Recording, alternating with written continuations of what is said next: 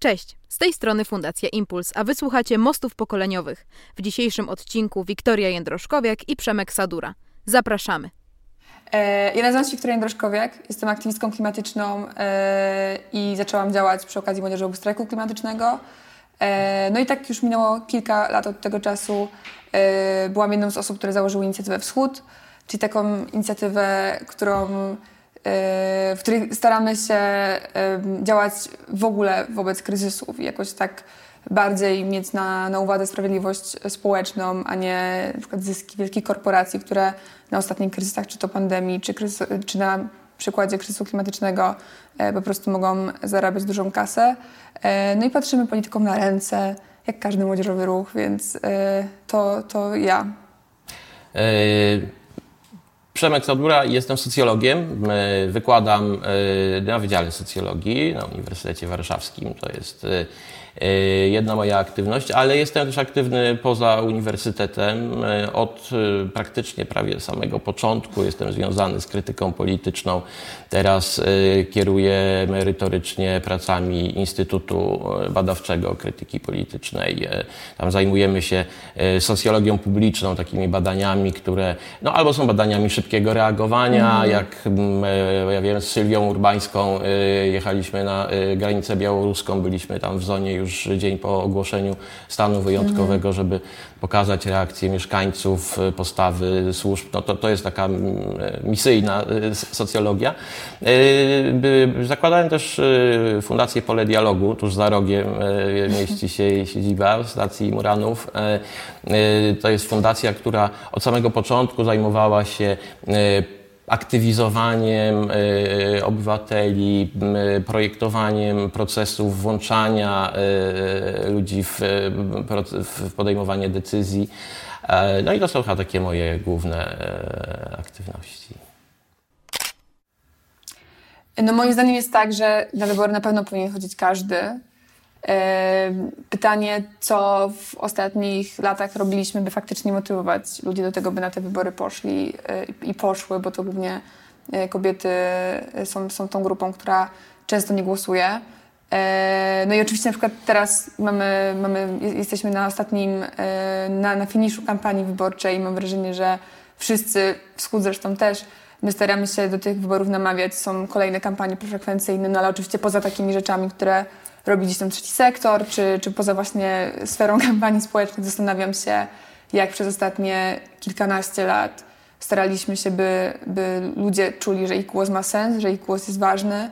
Jak myślę sobie o strajkach kobiet w 2020 roku, czyli już w, tych, w tej trwającej i, i kończącej się kadencji Sejmu, e, no to myślę sobie o tym, że z jednej strony oczywiście jakoś rozumiejąc, jak działa zmiana społeczna, wiem, że to miało ogromne przełożenie na to, w którym jesteśmy miejscu w Polsce, jeśli chodzi o aborcję, jeśli chodzi o poglądy dotyczące aborcji i w ogóle jakiegoś też zauważania um, nie wiem, praw reprodukcyjnych jako takich praw podstawowych, praw człowieka, ale, ale wydaje mi się, że mimo wszystko tak ogólnie te osoby, które chodziły często pierwszy raz i ostatni raz były na proteście w tym czasie i protesty, które działy się w mniejszych miejscowościach, gdzie po prostu strajkowała jedna trzecia e, populacji, bo były przecież takie przypadki, to, to nie jeden, nie dwa, nie pięć.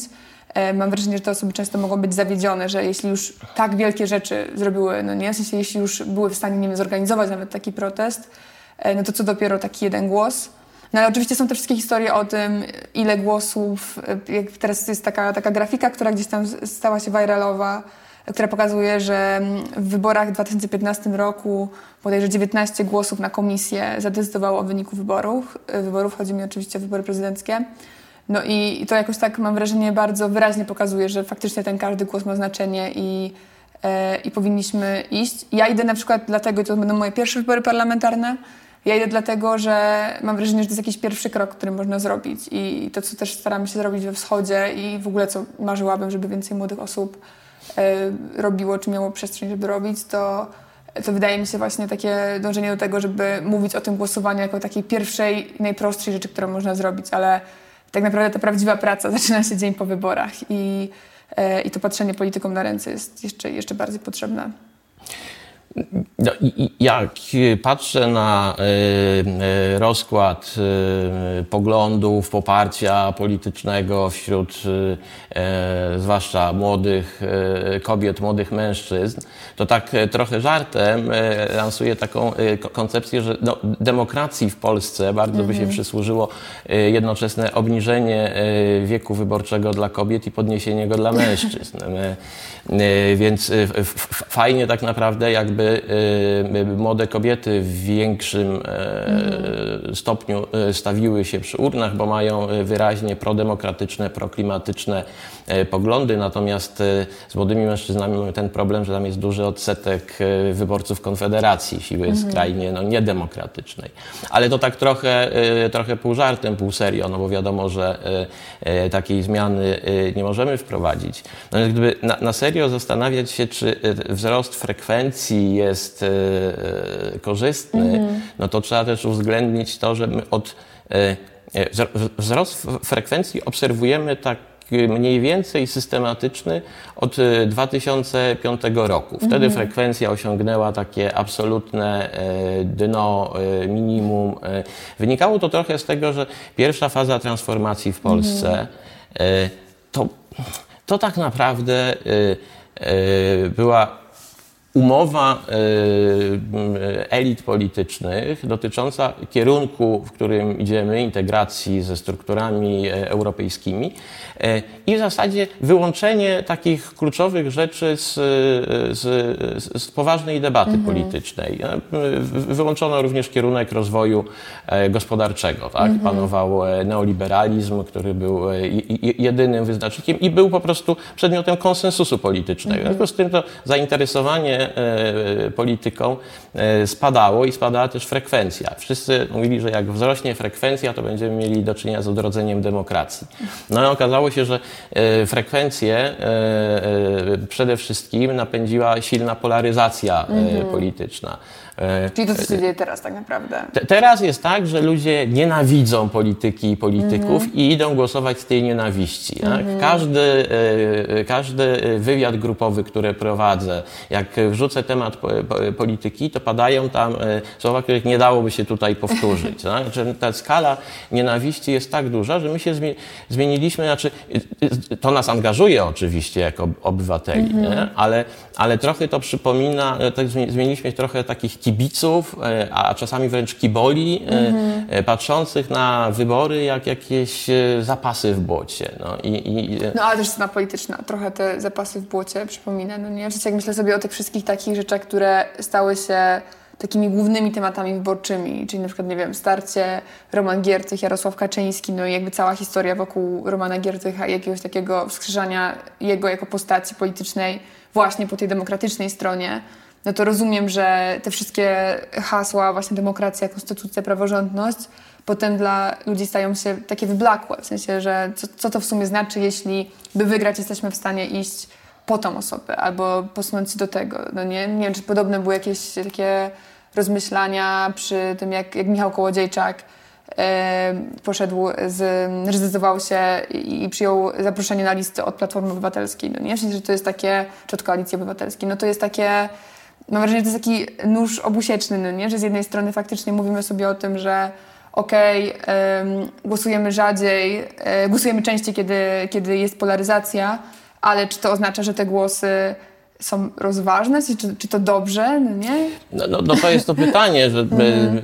z jednej strony e, to jest normalne, e, że w polityce pojawiają się mhm. emocje. Znaczy byłaby po prostu no tak. E, ten spadek frekwencji wynikał z tego, że tam emocji zabrakło. Mhm. Ale jest pytanie, czy mogą to być inne emocje niż te negatywne, bo w tym momencie mamy do czynienia z taką epidemią, no tak jak populizm jest zaraźliwy, tak okazuje mhm. się, że ta nienawiść w polityce jest czymś zaraźliwym wrażliwym. Mhm. Prym wiedzie tutaj przede wszystkim Zjednoczona Prawica, która przesunęła się z pozycji stosowania mowy nienawiści do w, w, po prostu używania przemocy w polityce. Mhm. Ale prawdę mówiąc, elektorat opozycji no, też, też się zmienia. My mhm. też zaczynamy e, stosować mowę nienawiści, klasistowski język e, w stosunku do wyborców Prawa i Sprawiedliwości. E, więc wszyscy się zmieniamy trochę w hejterów. Teraz jest pytanie, czy dałoby się uruchomić inne emocje pozytywne, tak żeby one zachęcały do udziału w wyborach. No Szymon Hołownia próbował to zrobić i mam wrażenie, że w 2020 roku to się udało, mimo tego, że gdzieś tam, dla mnie to nie była moja bajka zupełnie, ale myślę sobie o, o wielu słowach w Polsce, które były zmęczone tą, tą taką sceną polityczną, która jest faktycznie o popisie, ale też um, nie były jeszcze, nie wiem, nie były, nie były już na tyle młode, by, e, by jakoś bardzo być blisko albo Konfederacji, albo Lewicy. E, no i mam wrażenie, że udało mi się to zrobić, a ja zawsze mam tak, że, że brakuje mi tego, że takie partie jak właśnie na przykład no nie, Nowa Lewica nie tworzą tego, nie robią tego, co robi Konfederacja tak naprawdę, tylko w swoim lewicowym stylu, na własnych zasadach. Bo wyobrażam sobie, to jest coś, co też pamiętam ze Stanów Zjednoczonych i z kampanii Berniego Sandersa, no, która finalnie nie była wygraną, ale myślę, że, że miała takie duże sukcesy nawet na poziomie tego, jak ludzie się na nią zrzucali. No, nie? W sensie, że to była fundraisingowa kampania. No i, yy, i to było mega ciekawe, żeby zobaczyć, że nagle po prostu jest masa ludzi w Stanach Zjednoczonych, którzy mówią jednym głosem o tym, że nie może być tak, że najbogatszy kraj na świecie yy, to kraj, w którym żyje tyle osób yy, tak naprawdę na, na, na skraju ubóstwa.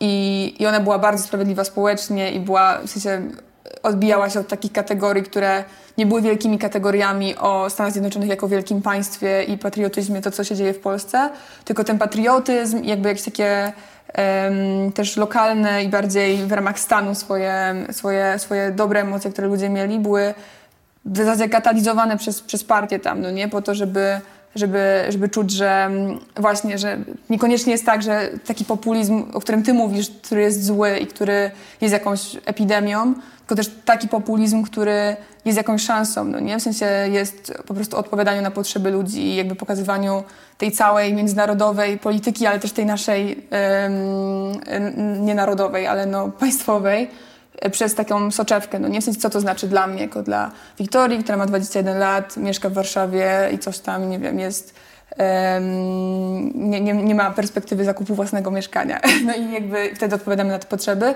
No ale Lewica tego nie robi. Konfederacja to robi, no bo mhm. oczywiście te ich pomysły i odpowiedzi na te problemy są złe i zakłamane często, no nie? W sensie obietnica grilla, domu i dwóch samochodów e, i teraz jeszcze psa i trawnika, to jest, to jest, to jest bzdura, to się nie wydarzy, ale oni próbują to opowiedzieć w jakiś sposób, który jest w takiej polityce karnawału, a nie tylko o, o właśnie kłótni.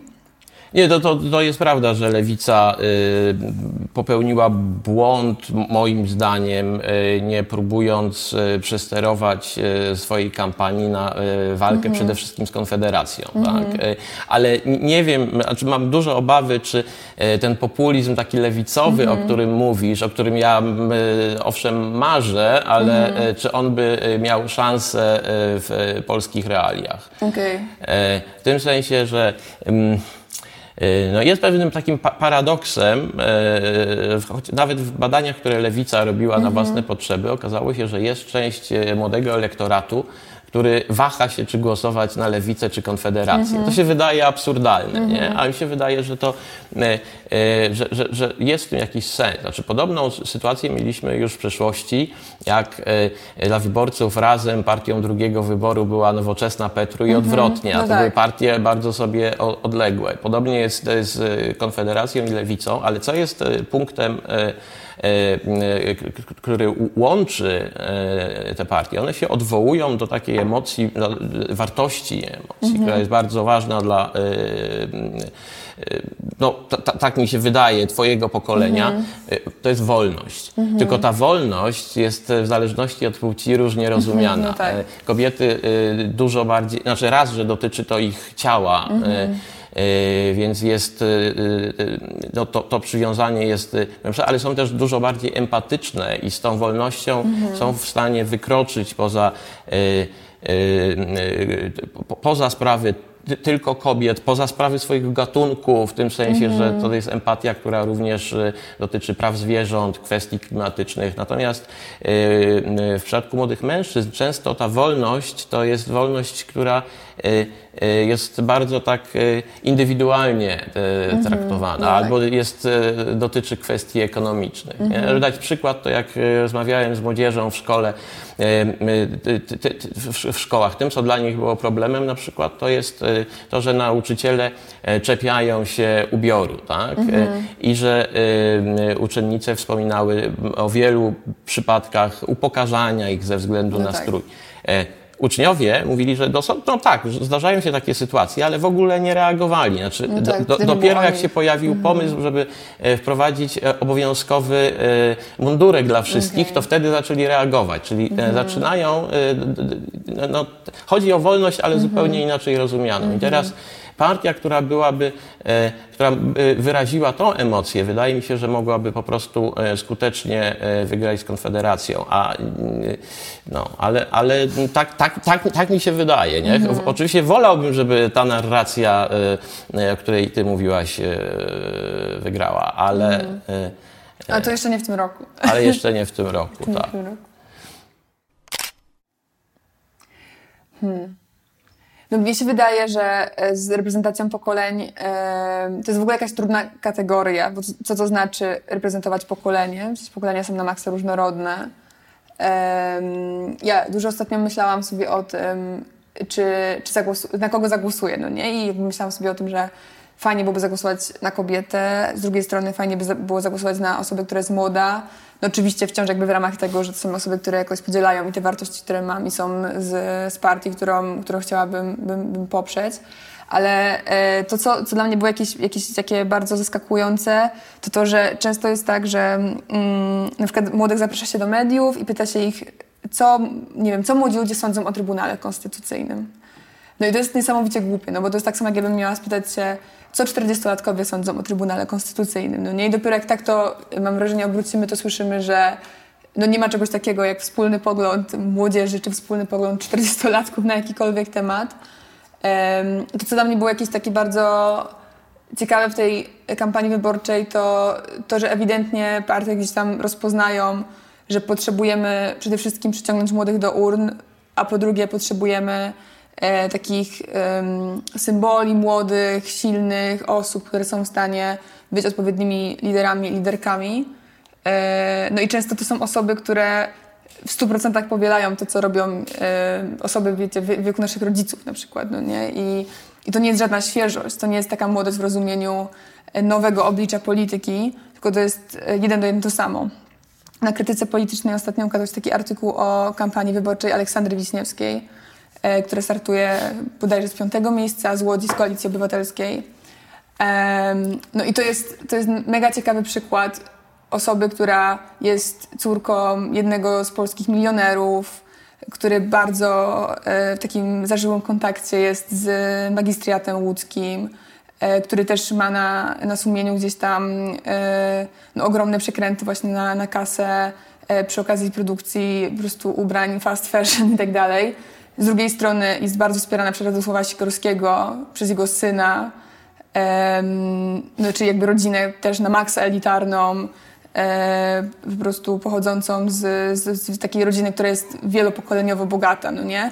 No i myślę sobie, w jaki sposób ona, mimo tego, że nie wiem, może być inspirująca i tak dalej, nawet jeśli te wszystkie rzeczy, które mówi, faktycznie są prawdą o, o swoich doświadczeniach gdzieś tam walki humanitarnej czy, czy pracy humanitarnej, jak ona reprezentuje mnie, albo jak reprezentuje moje koleżanki, no nie? Które właśnie ich problemem jest to, czy mogą studiować nie dlatego, że się na te studia nie dostaną, tylko czy, czy będzie ich na to stać, no nie? E, No i to była jakaś taka rzecz, która ze mną bardzo została, że tyle mówiło się w ostatnich latach o tym, żeby młodzi w końcu zaczęli głosować, po czym gdy już ci młodzi są na tej scenie politycznej, to wyglądają jak kopie swoich rodziców, no nie? Czy, czy kopie w ogóle tych polityków, których mamy od 30 lat w parlamencie. Jak spojrzymy na politykę i polskich polityków, polityczki w perspektywach pokoleniowych, to moje boomerskie pokolenie wypada bardzo słabo, blado. E, mamy jakiś problem e, z, mhm. że nie byliśmy w stanie jako pokolenie wygenerować swoich mocnych postaci. Dlatego mhm. naczelny spór polityczny w Polsce toczy się między no tak. Kaczyńskim i Tuskiem, politykami z zupełnie innej generacji tak? bliższy mhm. nam pokoleniowo Trzaskowski e, e, nie, nie, dał rady pociągnąć mhm. Platformy. E, trzeba było powrotu Tuska, żeby ona się zmobilizowała. To jest, to jest jakiś... Chociaż ufamy mu bardziej niż Tuskowi. Chociaż ufamy mu bardziej, tak, mhm. ale jednocześnie to zaufanie nie przekłada się no tak. na bycie liderem. To jest no jakiś tak. paradoks. E, e, I potem jesteśmy trochę przegrani, bo z kolei znowu patrząc na wasze pokolenie, tam widać bardzo dużo mm. osób, które się wyróżniają, dobrze się zapowiadają. Mm. sorry za ten język, bo nie, on nie, jest nie, trochę rozumiem, taki, rozumiem, ale, ale rzeczywiście są osoby, które dopiero zaczynają swoją aktywność społeczną, mm. polityczną, ale robią to z taką dużą indywidualność, znaczy tak, wykazują jakąś mhm. indywidualność, podczas kiedy w tym y, pokoleniu boomerskim chyba y, y, było za dużo patrzenia na wzór i na to, mhm. jak to powinno wyglądać. więc zabrakło takiej spontaniczności. No zobaczymy, to, to, to, się może zmieni. Ale druga rzecz, no to jest pytanie, czy nie powinniśmy zadbać o to, żeby.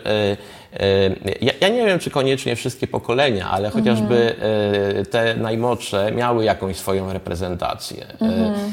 Y, jasne, że nie będzie tak, że można znaleźć przedstawicieli, znaczy to nie jest pokolenie myślące w, w jeden sposób, ale podobnie y, jest kwestią płci, ale wprowadziliśmy jednak parytety, no y, tak. które się sprawdziły. Wiesz, to jest jakaś wspólnota doświadczeń i tak dalej, nie? Więc by, być może mm. miałoby sens zabezpieczenie jakichś kwot w, w, w Sejmie, w, w ogóle w parlamencie, w różnych właśnie ciałach przedstawicielskich, które by dawały e, pewną kwotę dla e, młodych polityczek, polityków. Znaczy to nie jest tak, że to jest o tych partiach, no nie, no bo jak myślę sobie na przykład właśnie o Rafale Trzaskowskim i Donaldzie Tusku, no i jakby też jakaś tam wymiana pokoleniowa, która by nastąpiła w przypadku, gdyby to Trzaskowski przejął władzę i był liderem Platformy przy tych wyborach, no to czy, to czy to się nie wydarzyło trochę przez to, jak, że, że, przez to, że ta partia jest starą partią, która jakby trzyma się tego, że nie, no Donald Tusk jest naszym liderem, był tu od początku. No i czy to nie jest tak, że tak samo będzie, jakby, że, że dopóki te partie będą funkcjonowały, dopóki będzie PiS, Platforma, Lewica w takim też no, w dużej mierze eseldowskim układzie, jaką znamy, to nic się nie zmieni trochę? Um... To te młode osoby nie będą miały szansy być ważne i decyzyjne w partiach? No, to, to, to jest pytanie, który mechanizm będzie mhm. skuteczniejszy. Tak? Ja, ja, ja jednak jestem przekonany, że e, te partie trzeba zmieniać od środka, mhm. że lewice, e, e, młodzi, ludzie młodzi politycy powinni wspinać się i przejmować mhm. od środka. Trochę mniej wierzę w pojawienie się nowej partii, mhm. która wywróci stolik, mhm. bo tak znaczy to już przerabiamy. We wszystkich wyborach pojawia się jakaś partia e, skrajna, najczęściej w polskim mm -hmm. przypadku jest skra skrajnie prawicowa mm -hmm. w taki czy inny sposób, która E, obiecuje wywrócić e, stolik, zdobywa poparcie, ale zdobywa poparcie takich wyborców, którzy no zawsze kontestują mainstream. To są mm -hmm. wyborcy, którzy zakochują się w swoich partiach na trzy lata i nie starcza tego na kolejną kadencję. Więc jeśli nie chcemy takiego tylko krótkiego zamieszania, to, to ja bym bardziej wierzył w ten marsz przez instytucje i przejmowanie mhm. lewicy, partii liberalny, jaką jest Platforma przez młodych. E, dzięki za tę rozmowę e, była dużo, e, dużo bardziej taka w dialogu i jednogłosie niż, niż w jakiejś kontrze, mhm. czego się trochę spodziewałem, ale Myślę, że fajnie, że znajdujemy tyle wspólnych tematów, e, e, bo e, nie da się zmienić polityki w Polsce bez takiego międzypokoleniowego sojuszu. Mhm. E, I myślę tu przede wszystkim o swoim boomerskim pokoleniu, mm. pokoleniach młodszych, to my musimy zawrzeć jakiś kontrakt dotyczący tych podstawowych wartości i i odbić Polskę z rąk partii, która przede wszystkim w tym momencie E, e, no, stoi e, na głosach pokoleń najstarszych. Mhm. No tak. No tak, no ta demografia jest nie, nieubłagana tak naprawdę i, i taka nie do pokonania. I to też mnie bardzo przypomina o tym, że faktycznie e, tak jak kiedyś były takie różne żarty i, i, i głupie akcje o tym, by zabierać babciom dowody, to myślę sobie, że może nie warto zabierać babciom dowody, tylko bardziej zabrać te babcie na kawę i, i porozmawiać z, nim, z nimi o tym, dlaczego to istotne, by, by zagłosował w tych wyborach za przyszłością też swoich wnuków, swoich, swoich wnuczek. E, więc też dzięki za tą rozmowę i też nie spodziewałam się, że się pokłócimy, ale wydaje mi się, że, że też to dla mnie jest ważne i co na przykład czuję, że często twoje pokolenie tego nie dowozi, e, to, to takie zrozumienie tego, że my mamy też prawo do tego, by układać sobie rzeczy na nowo i by, by, by, nie wiem, odnosić się do rzeczy, które faktycznie nam się nie podobają, mimo tego, że, nie wiem, całe teraz pokolenie 40, 50, 60 latków bardzo wyraźnie mówi o tym, że najważniejsza i jedyna ważna rzecz na ten moment to, to jest pokonanie PiSu i cieszę się, że moje pokolenie czasami widzi jakąś, jakąś taką głębszą wartość i głębszą misję również w tym momencie, no nie?